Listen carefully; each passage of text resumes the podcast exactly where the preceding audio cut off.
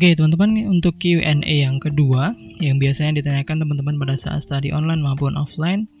Yang selanjutnya adalah bagaimana cara mengatasi grogi.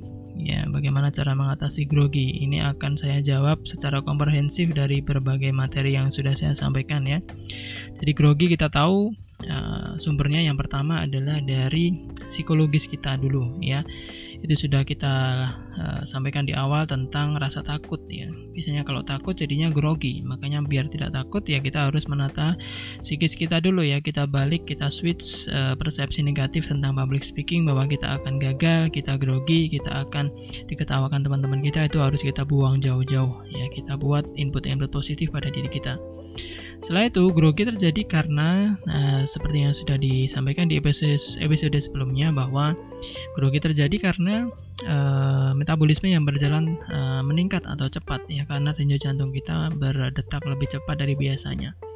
Maka jawabannya adalah kita harus memanipulasi dan juga memanajemen dari fisiologi tubuh kita sendiri ya. Kita atur nafas kita supaya denyut jantung kita bisa turun dengan uh, senormal mungkin ya sehingga grogi tidak akan muncul.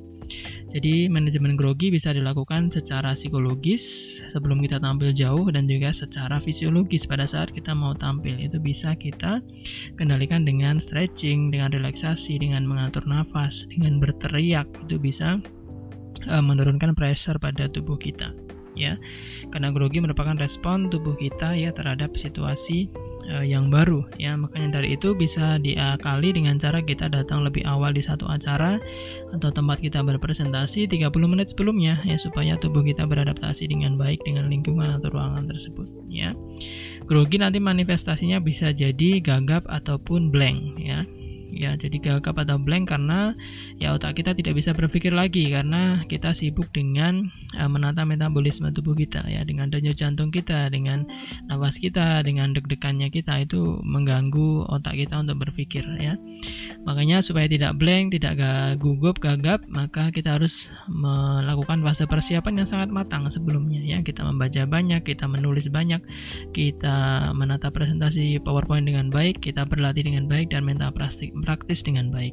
Ya jadi secara teknis penyampaiannya kita bisa uh, melalui fase persiapan yang lebih matang lagi. Ya jadi fase atau aspek psikologis aspek fisiologis dan juga aspek penyampaian yaitu akan menjadi manifestasi grogi. Kemudian grogi bisa terjadi juga karena beban ngomong di depan orang yang penting, yang ngomong di depan orang yang lebih pandai dari kita ya maka dari itu kita harus biasakan ya e, men-challenge diri kita untuk berbicara di depan orang-orang yang dengan gradasi atau dengan grade yang berbeda-beda ya berbicara dengan awam dengan mahasiswa dengan teman-teman kita dengan pejabat dengan Eh, atasan-atasan kita ya itu juga perlu latihan ya.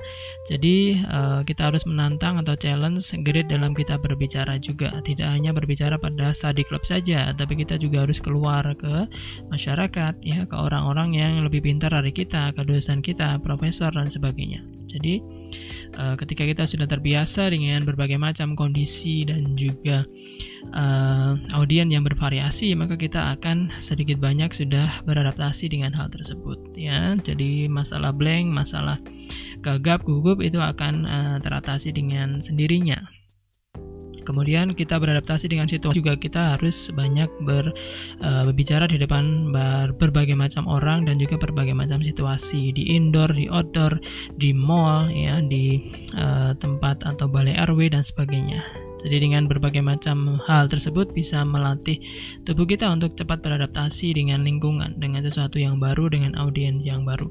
Dan kembali ini tetap ada di jam terbang ya teman-teman untuk untuk sisi ini ya. Jadi kesimpulannya supaya tidak grogi maka satu kita tata psikologis, kita switch uh, efek-efek negatif atau pikiran negatif. Kemudian untuk fisiologis kita tata dengan uh, mengatur nafas, relaksasi ya, nafas dengan perut gitu ya, berteriak ya, dengan bergerak pada saat presentasi. Kemudian untuk uh, sisi performance atau penyampaian kita bisa persiapan dengan matang, membaca, mendengar, melihat, bertanya pada ahli, kemudian kita juga bisa berlatih sebanyak-banyaknya dengan PowerPoint kita sehingga pada saat kita presentasi sudah tidak terfikirkan materi sedikit pun ya kita tinggal otomatis untuk berbicara Kemudian masalah grogi yang berkaitan dengan audiens ya berarti 30 menit sebelumnya kita sudah hadir di situ untuk berinteraksi dengan audiens untuk membiasakan tubuh kita dengan ruangan, situasi dengan audiens yang baru. Kemudian untuk audiens yang berlevel-level ya, ada yang awam, ada yang profesional, ada yang terpelajar, ada yang dosen, profesor, bos dan sebagainya. Ya kita mau tidak mau harus menerjangnya, harus uh, bergonta-ganti untuk uh, berpublic speaking dengan orang-orang tersebut. Tidak hanya dengan teman-teman kita saja, tapi kita harus keluar dari zona nyaman tersebut untuk men-challenge diri kita untuk ke level yang lebih tinggi ya. Itu adalah manajemen grogi dilihat dari berbagai macam aspek. Teman-teman bisa pilih salah satu dulu kemudian eh, bisa ke empat aspek tersebut. Oke teman-teman gitu ya untuk Q&A yang terkait dengan grogi. Kita lanjut ke Q&A yang lainnya. Thank you